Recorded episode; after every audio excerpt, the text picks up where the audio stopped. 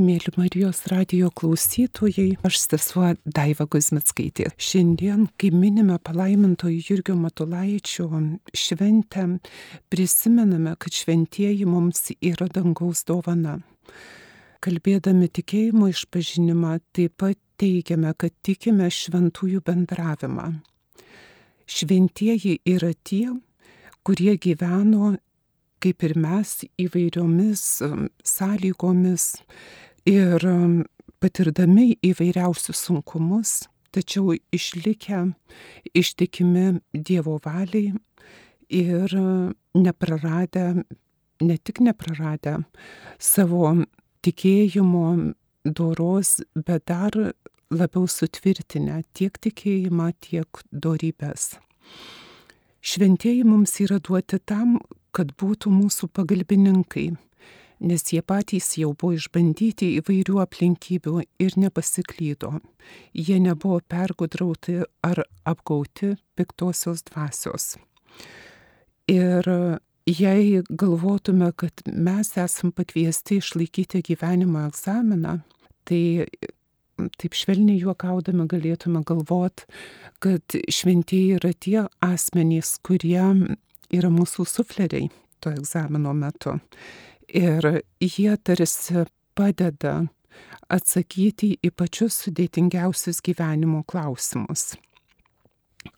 Šių šventųjų, katalikų bažnyčios šventųjų darybių šviesa padeda nušviesti ir mūsų kelią, padeda mums susistyguoti savo ir Dievo valią, kad dėrėtų ir dar neįskambėtų tiek mūsų gyvenimas, tiek ir darbai, kai esame santykiai su savo artimu, su bendruomenė, su bažnyčia ir su visuomenė, kurioje gyvename. Ir galim ir kitaip pažiūrėti, kad šventieji yra Dievo veido atspindys arba atskirų savybių. Ir kaip mes matom, kad įvairių šventieji tarsi nušviečia Dievo tobulumo ar nepriepiamumo kokią nors išskirtinę savybę. Tai šiandieną kalbėsime apie palaimintąjį Jurgį Matulaitį ir kvieščiau, na tiesiog pažvelgti į Matulaičio keletą bruožų, darybių, kurias jis pats, apie kurias kalbėjo, kurias liudijo savo gyvenimu ir savo darbais. Viena iš jų tai jo tarsi malda pasakyti tokie žodžiai, kad Dievo švelnioji meilė tebūnie mano širdies maistas. Ir kaip šita švelnioji meilė reiškėsi iš pradžių vaiko, suaugusio kunigo, galiausiai vyskupo, apaštalinio vizitatoriaus palaimintojų Jurgio gyvenime. Ir kokiais darbais ji buvo paliudyta, mes šiandieną apie tai ir kalbėsimės. Ir kaip palaimintojų Jurgio gyvenimo šventumas gali padėti mums mūsų gyvenimo kelionėje į amžinybę, į Dievo valios išpildymą ir tuo pačiu atlikimą to pagrindinio uždavinio - tapti šventaisiais, kad galėtume dalyvauti šventųjų bendravime amžinybėje.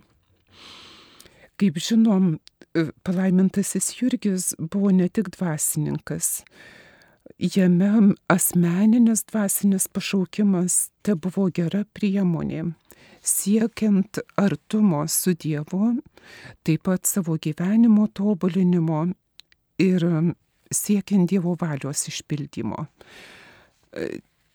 Tuo būdu, kuriuo jis galėjo padėti kurti Dievo karalystę žemėje. Ir labai įdomu, kai atverti palaimintojų Jurgio dienoraštį, Ir dienoraštis prasideda 1910 metais spalio mėnesio ir po savaitės jo vedamų užrašų e, galima rasti spalio 25-osios įrašą ir jis kalba apie pirmuosius krikščionės kaip šventuosius. Ir štai ką jisai sako. Pirmutinieji krikščionys tiek metų turėjo išgyventi slapta katakombose, požemiuose, kaip galėdami ir kur galėdami, slapstydamiesi, o tik gyveno, organizavosi, tvarkėsi ir dirbo, ir dar kaip sėkmingai ir vaisingai. Juk mes jų vaikų vaikai. Kodėl, kada reikia, nepasekus tų šventų mūsų tėvų pėdomis, jie mums padės tai daryti savo maldomis ir užtarimu ir globa, kad tik mes jų didelę dvasę turėtume, o mums taip dabar tos dvasios reikia. Ir kaip matom, daugiau kaip prieš šimtą metų Matulaitis kalba apie pirmųjų krikščionių, pirmų šventųjų dvasę, kad jos labai reikia tuo laikmečiu, kada gyveno jis ir kiti jo bendramžiai, šventieji taip pat, kaip žinom, ir mūsų palaimintasis Matuljonis buvo to paties laikmečio. Ir kai Matulaitis kviečia laikyti šios dvasios, e, kad mes galėtume šių pirmųjų krikščionių pėdomis eiti, tai jis mus kviečia kaip ir save ir kitus savo bendražygius kurti Dievo karalystę žemėje, arba kitaip sakant, kurti bendrąjį gėrį. Matulaitis bendrąjį gėrį vadino bendru labu tai yra labas, tarsi ir palaiminimas mūsų na, gyvenimui. Ir jis tai laikė vienu svarbiausių uždavinių. Ir mes kiekvienas gyvendame savo istorinėme kontekste galime šį uždavinį ir privalome įgyvendinti, nes krikščionys ir kaip piliečiai mes šią pareigą turime. Ir Nežiūrint to, kokios aplinkybės būtų, pavyzdžiui, šiandieną mes gyvename tarsi laisvoj visuomenėje, turime laisvę kalbėti, veikti, rinktis, lyginant su tuo, kas buvo sovietmečiu. Tačiau vyksta Ukrainos karas arba karas Ukrainoje ir tie baisumai, kurie, na, alsuoja mums į nugaras, taip pat yra šiuolaikinės mados ir šiuolaikinio pasaulio tam tikri dėsningumai ir apraiškos, kurios taip pat, na, vedamos iš tiesaus kelio ir kartais veda į pasimetimą. Jonas Paulius II kalbėjo apie mirties kultūrą mūsų laikų žmogaus kuriamą, tai vat mes esam tokiam pasimetime.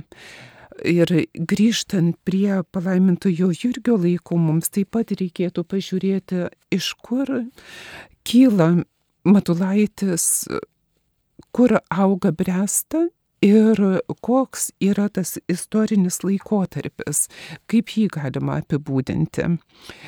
Ir na, mes matom šventąjį, pažįstam jo darybės, Bet kai pažiūrim į jo gyvenimą, matom, kad jis nebuvo, na, rožėm klotas ir trūko visko. Pirmiausia, mažas būdamas patapo našlaičiu. Irgi vaikystėje apsirgo kaulų džiova. Tada turėjau didelį troškimą mokytis, bet turėjau sunkiai dirbti ūkiją ir susitaikė ir su tokia savo padėtimi labai mylėjo Lietuvą ir visą savo jaunystę tiek, kiek galima atsekti jo užrašus, laiškus, gali matyti, kaip norėjo pašvesti Lietuvai. Tačiau studijuoti turėjo Lenkijoje, Petrapilyje, vėliau Šveicarijoje ir daug laiko praleisti darbuodamasis Lenkijoje. Ir kai grįžta arba iš šalies, žvelgdamas į Lietuvą, jis mato ją suvargintą, nuskurtintą. Ir kas buvo Lietuva tuo metu palietę, tai baudžiavos laikotarpis, caro režimas, rekrutavimas. Ant viršaus ėjo pirmasis pasaulinis karas, dar turbūt reikėtų paminėti ir Japonijos karą, kuriame dalyvavo ir Baltijos šalių rekrutuoti kariai. Emigracijos siekis pabėgti nuo carizmo, nuo priespaudos, siekis laisvės. Ir galiausiai moralinis pakrikimas, kaip minėjau, skurdas, būriai našlaičių vaikų, senelių suvargusių ir, na, kaip sakydavom, ubagų, elgetaujančių, apleistumas ir visiškai ekonomikos nebuvimas tuo metu po baudžiavos Lietuva neturėjo jokios industrinės visuomenės, net apraiškų. Ir štai tokiom aplinkybėm Matulaitis žvelgia į Lietuvą ir žvelgia tom Dievo švelniom akim, Dievo švelniaja meilė. Ir galvoja, kaip padėti Lietuvai. Šalia ekonominių ir dvasinių na, sunkumų, ribotumų, kuriuos Lietuvoje galima buvo atrasti tuo metu, vyko ir ideologinis puolimas. Pavyzdžiui, iš rytų, iš Rusijos ėjo marksistinė, komunistinė ideologija, tuo tarpu iš vakarų nihilizmas, liberalizmas ir visa tai ardė dar labiau ir sargdino mūsų visuomenės kūną, kaip ir bažnyčia. Ir tuo metu katalikų bažnyčia buvo turbūt vienintelė priebėga tiek kaimo žmogui, tiek mieste suvargusiems na, gyventojams. Ir pamenu, skaičiau vieno vokiečių kareivio pirmo pasaulinio karo metais atsiminimus ar laiškus jis rašė į namus, kur paminėjo, kad užėjo į Marijampolės bažnyčią ir nustebo, kad joje šeštadienį, kada buvo turgaus diena, buvo pilna iš kaimo privažiavusių ūkininkų, valstiečių, kurie klūpėjo ir meldėsi bažnyčioje. Tai pamaldumas buvo gyvas mūsų krašte ir mes turbūt atsimenam, sakykime, ar tai Marcinkievičiaus pasakojimą apie tėvą, kaip kaimo žmonės rytais gėdodavo Marijos valandas, gėdodavo iš kantičkų, melsdavosi ir taip pat sekmadieniais atrasdavo atgaivą bažnyčioje. Ir Matulaitis, žvelgdamas ir atjausdamas mūsų krašto žmonės, svajojo ir ieškojo išeičių. Ir viena iš tų išeičių, ką jis matė, tai buvo popiežiaus Leono XIII enciklika tuo metu pasirodžiusi Rerum Novarum ir tai yra socialinė enciklika kalbėjusi apie teisingos visuomenės kūrimą. Ir Matulaitis gilinasi savo studijuose į teisingumo ir socialinius klausimus ir tampa vienu iškiliausių sociologų ir pirmųjų, kuris rytų Europoje grįžęs mokė, dėstė seminaristams ir telkė sakyčiau, kariuomenę visuomenininkų, kurie vėliau galėjo padėti darbuotis Lietuvos katalikų bažnyčioje. Ir Matulaitis, na, kaip sako mūsų istorikai, buvo tas žmogus, kuris mūsų istorijai stengiasi suteikti naują kryptį, kurios svarbiausi dėmenys buvo prigimtinių žmogaus teisų ir amžinojo žmogaus pašaukimo paisimas. Tai jeigu mes šiandieną vestume paralelę ir žiūrėtume į mūsų visuomenę ir klaustume, kiek yra paisoma mūsų amžinojo pašaukimo garanto, kad tai, ką aš darau, einu dievop, einu amžinybėn na, siekdamas darybių ir laikydamasis dekalogo. Ar nepažeidžiu šitų principų ir savo prigimtinių teisių. Tai va šitie du dalykai buvo svarbus. Ir Matulaitis užsimojo pirmųjų krikščionių dvasioje būtent siekti savo gyvenimu ir savo darbais laikyti šitos naujos krypties, kuri istorija vedė tą linkmę. Ir labai įdomu, kad ir jis pats, ir jo bendraminčiai, taip pat buvę studentai, vėliau tapę Lietuvos visuomenės žymus veikėjai. Tada, sakykime, kaip koks profesorius Eretas, kuris atvykęs į Lietuvą, įsiliejo labai natūraliai ir prisidėjo prie šito darbo darimo. Ir Matulaitis sako, kad žmogus yra pirmasis kelias, kuriuo turi žengti bažnyčia, vykdydama savo pasintinybę. Kelias pažymėtas paties Kristaus.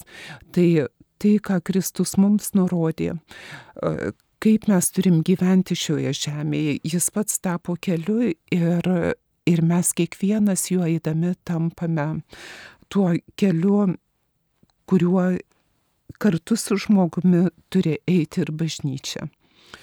Ir bažnyčia eidama su žmogum tą pasiuntinybę turi įgyvendinti. Ir pasaulis mums tikintiesiems yra Evangelijos skelbimo ir Dievo karalystės įsikūrimo vieta, už kurią atsakinga ir bažnyčia, ir visi pakrikštytieji. Tai mes gyvendami šioje žemėje esame atsakingi už Dievo karalystės kūrimą. Tai kitai žodžiais tariant, turim taip gyventi, kad šalia mūsų esantys užuostų dangų ir regėtų šventųjų bendravimą ir štai gyventų ta tiesa Dievo karalystės puoselėjimo. Ir dėl to Matulaitis žvelgdamas į tą visuomenę, kuri toli gražu nebuvo panaši į dangaus karalystę, nualinta, kaip sakiau, ir baudžiavos, ir karo, ir visokiausių kitokių negalių visuomenės. Ir ką jis matė, kad yra labai svarbu telkti pajėgas, telkti draugijas, krikščioniškas organizacijas, katalikiškas, pradedant nuo vaikų, baigiant suaugusių brandžių žmonių asociacijom ir draugijom, o taip pat ten, kur neprieina, sakykime, kunigai, katalikų bažnyčia ir kas gali būti, kad ir draugijoms, organizacijoms yra per sunki našta, Matulaitis mato vienuolijų prasme ir jis jas kuria. Pavyzdžiui, įkuria moterų vienuolyje, pavadindamas ją vargdienių seserų vienuolyje, kuris skirta pirmiausia darbui su našlaičiais, seneliais, tais vadinamais tuo metu bagais, kurie neturėjo nei kur gyventi, nei ko pavalgyti, gyveno iš žmonių malonės. Ir štai Aišku, šalia to vyko ir švietimas, ir tikėjimo mokymas. Marijonų vienuolyje, kaip ir kitos vienuolijos, vyrų vienuolijos, siekė padėti vyskupam ir klebonam parapijų darbe. Ir palaimintasis Jurgis aiškiai matė, kad, na, savaime dalykai nevyksta. Jeigu norim geresnės visuomenės, turim ugdyti žmonės, ugdyti juos tos karalystės kūrimui šioj žemėje, siekiui, kad kiekvienas žmogus gyventų tokiom sąlygom, kad galėtų bręsti, ugdytis, tarpti kaip tikras pilnavertis krikščionis ir asmuo turintis ir savo laisvės, bet tuo pačiu ir žinojimą, kaip tas laisvės naudoti, kad pilnai išsiskleistų kaip tikras krikščionis. Ir štai Matulaičio ta veikla, kai kalbėjom apie tai, ką jis rado ir kaip jis pats šventumo siekė, jam nebuvo paprasta, taip kaip nuo vaikystės visą laiką patyrė kliūtis, labai norėjo ir matė kaip didžiulį gėrį kurti, puoselėti savo vienuolyje, Marijonų vienuolyje, kuri būtų didžiulė pagalba bažnyčiai.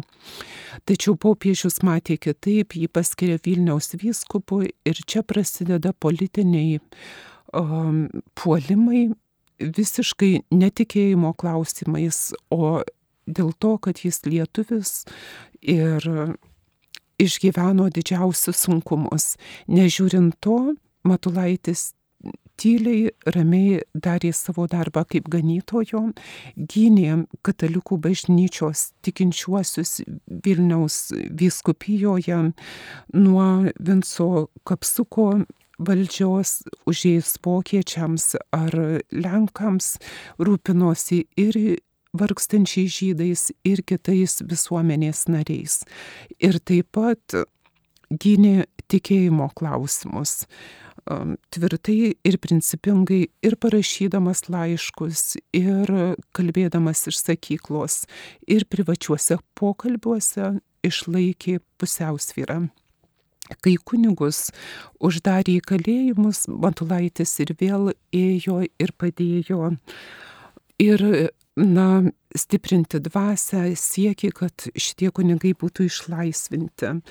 Esant didžiuliam pavojui, kai kuriems Vilniaus kunigams, kurie telkė darbininkus, jis palaikė jų dvasę. Pavyzdžiui, Jėzuito Mukermano vokiečių kilmės prašė, kad jis neapleistų Vilniaus darbininkų ir šis sutelkė iki 7-9 tūkstančių būrį darbininkų ir padėjo juos dvasiškai ugdyti ir vesti stiprinti.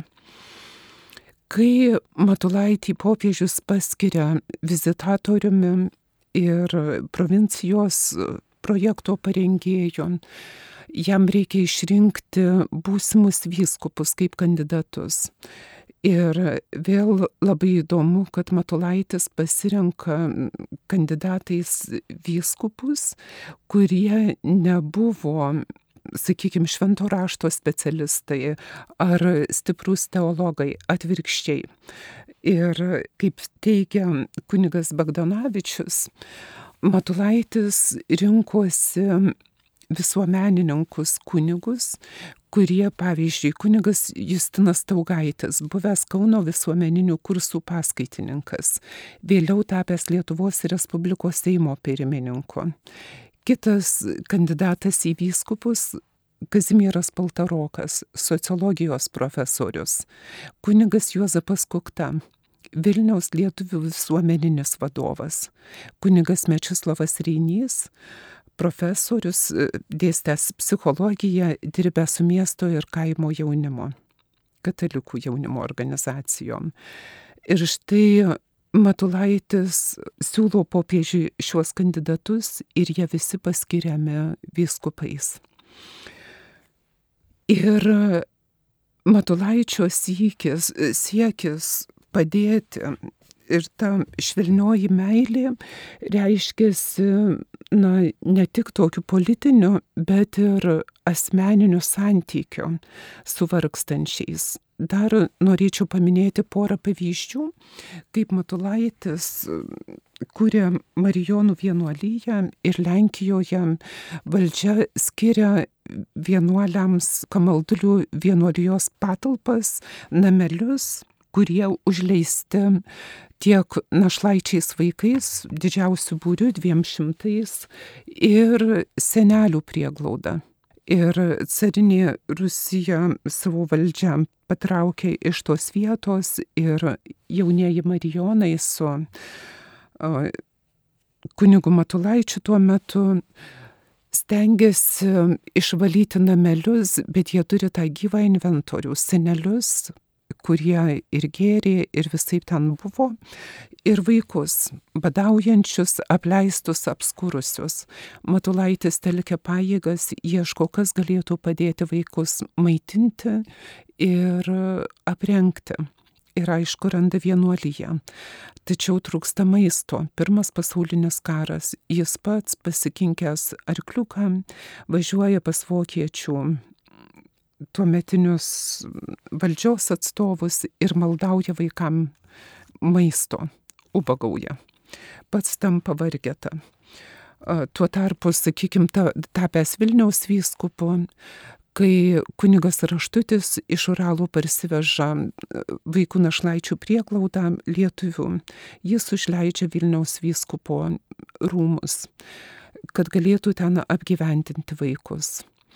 Jeigu kunigas Įla mini, kaip Matulaitis važiuoja traukiniu ir nueina pas garvežistą, paaišina nešvarų ir kartu su juo važiuoja garvežyje ir kalbasi apie tai, kuo šis darbo žmogus gyvena. Jam tai įdomu. Ir Matulaičio tas jautrumas žmogui ir visuomeniai ir rūpestis, kaip derinti tarpusavio santykius, kad jie būtų taikūs, dori, darbingi. Taip pat ieško galimybių, kaip pritaikyti krikščioniškosios demokratijos dėsnius, kad visuomenė tvarkytųsi ir įgyvendintų reformas, kurios kuo mažiau paveiktų neigiamai kiekvieną žmogų ir kad suteiktų kuo daugiau galimybių kurti žemėje dangaus karalystę. Ir Matulaitis nespėja savo idėjų visų įgyvendinti, mes čia palėtėm tik tai keletą dalykų.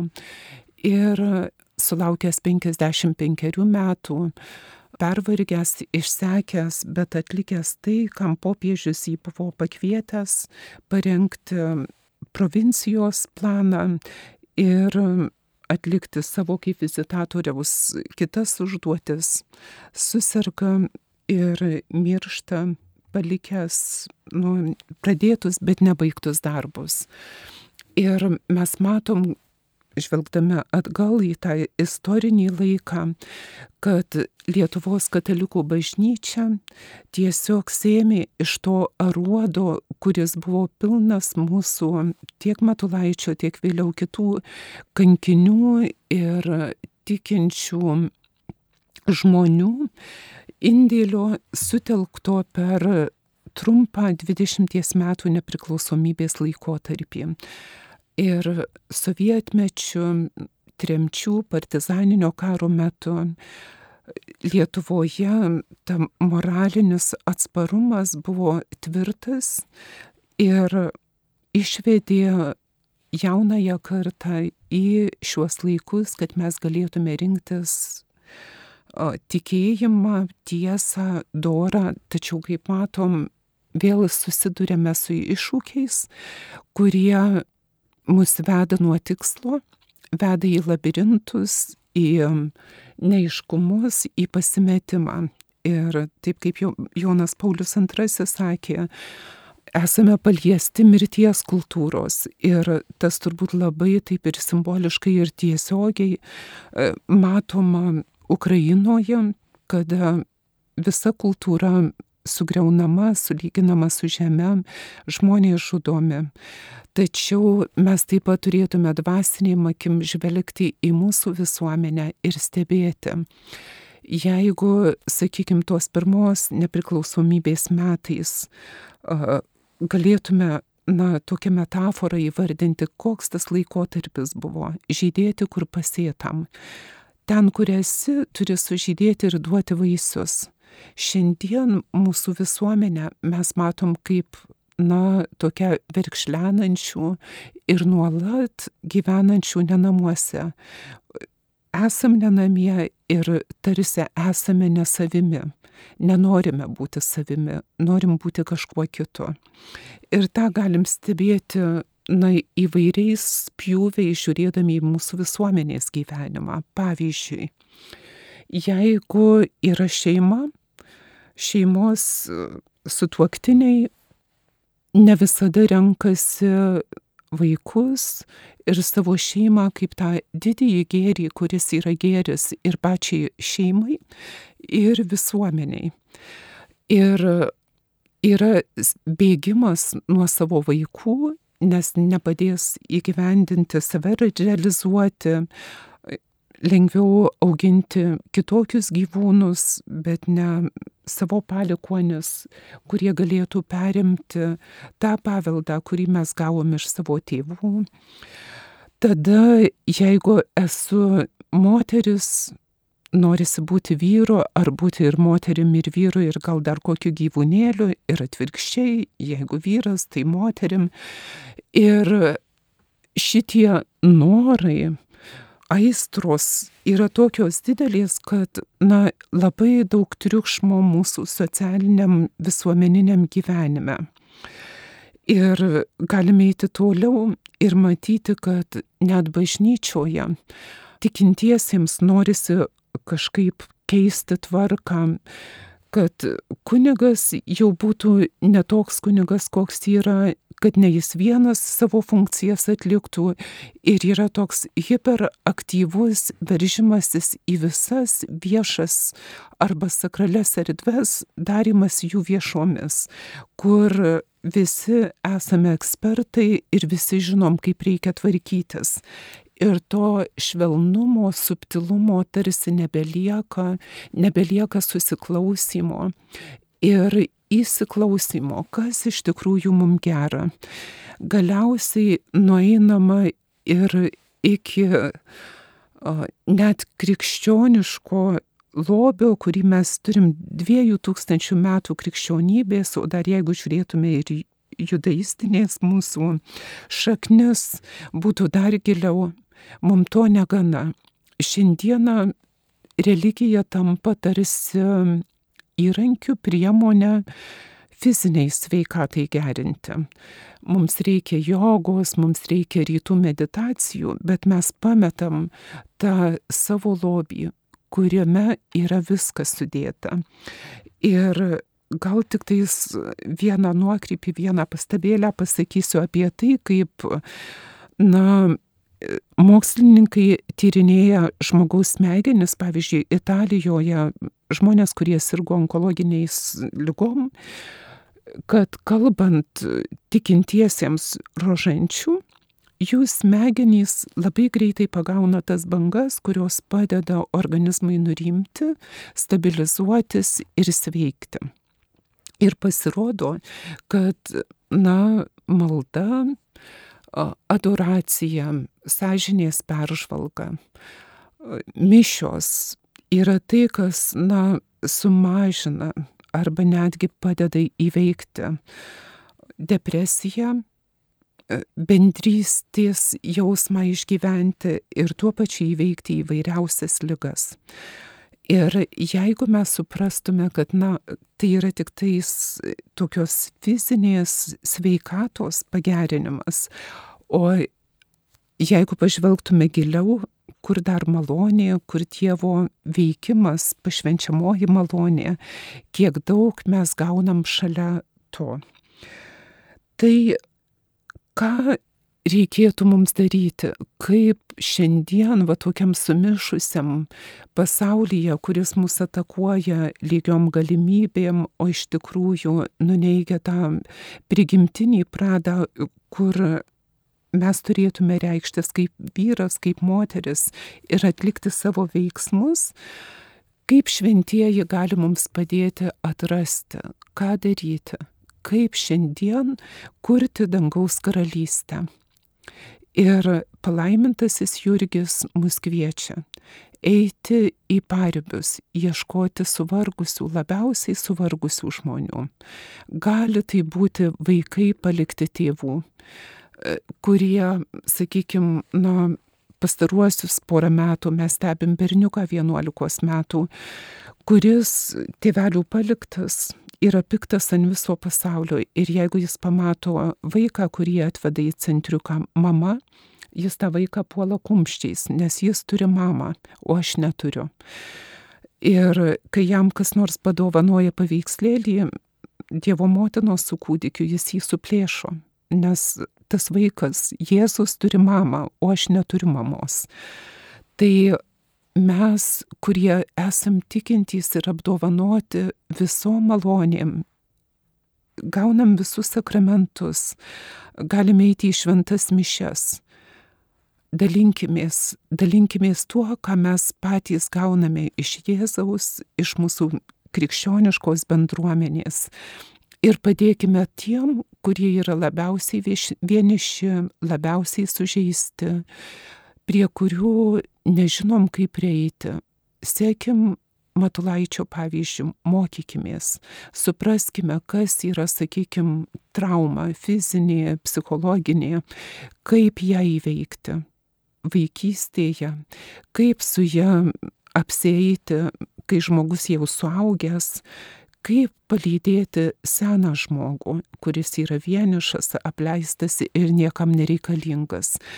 Ir tada galbūt mums nereikės na, grumtis dėl tos viešos vietos bažnyčioje, būti komunijos dalintojais ar patarinėti mūsų ganytojams, mūsų kunigams, kaip jie turėtų elgtis. Lyg mes išmanytume, būdami pasauliečiai, um, tam kunigiško gyvenimo kelią geriausiai ir geriau už tuos, kurie tą darbą turi dirbti ir kurie tarnauja mums ir mūsų bažnyčiai.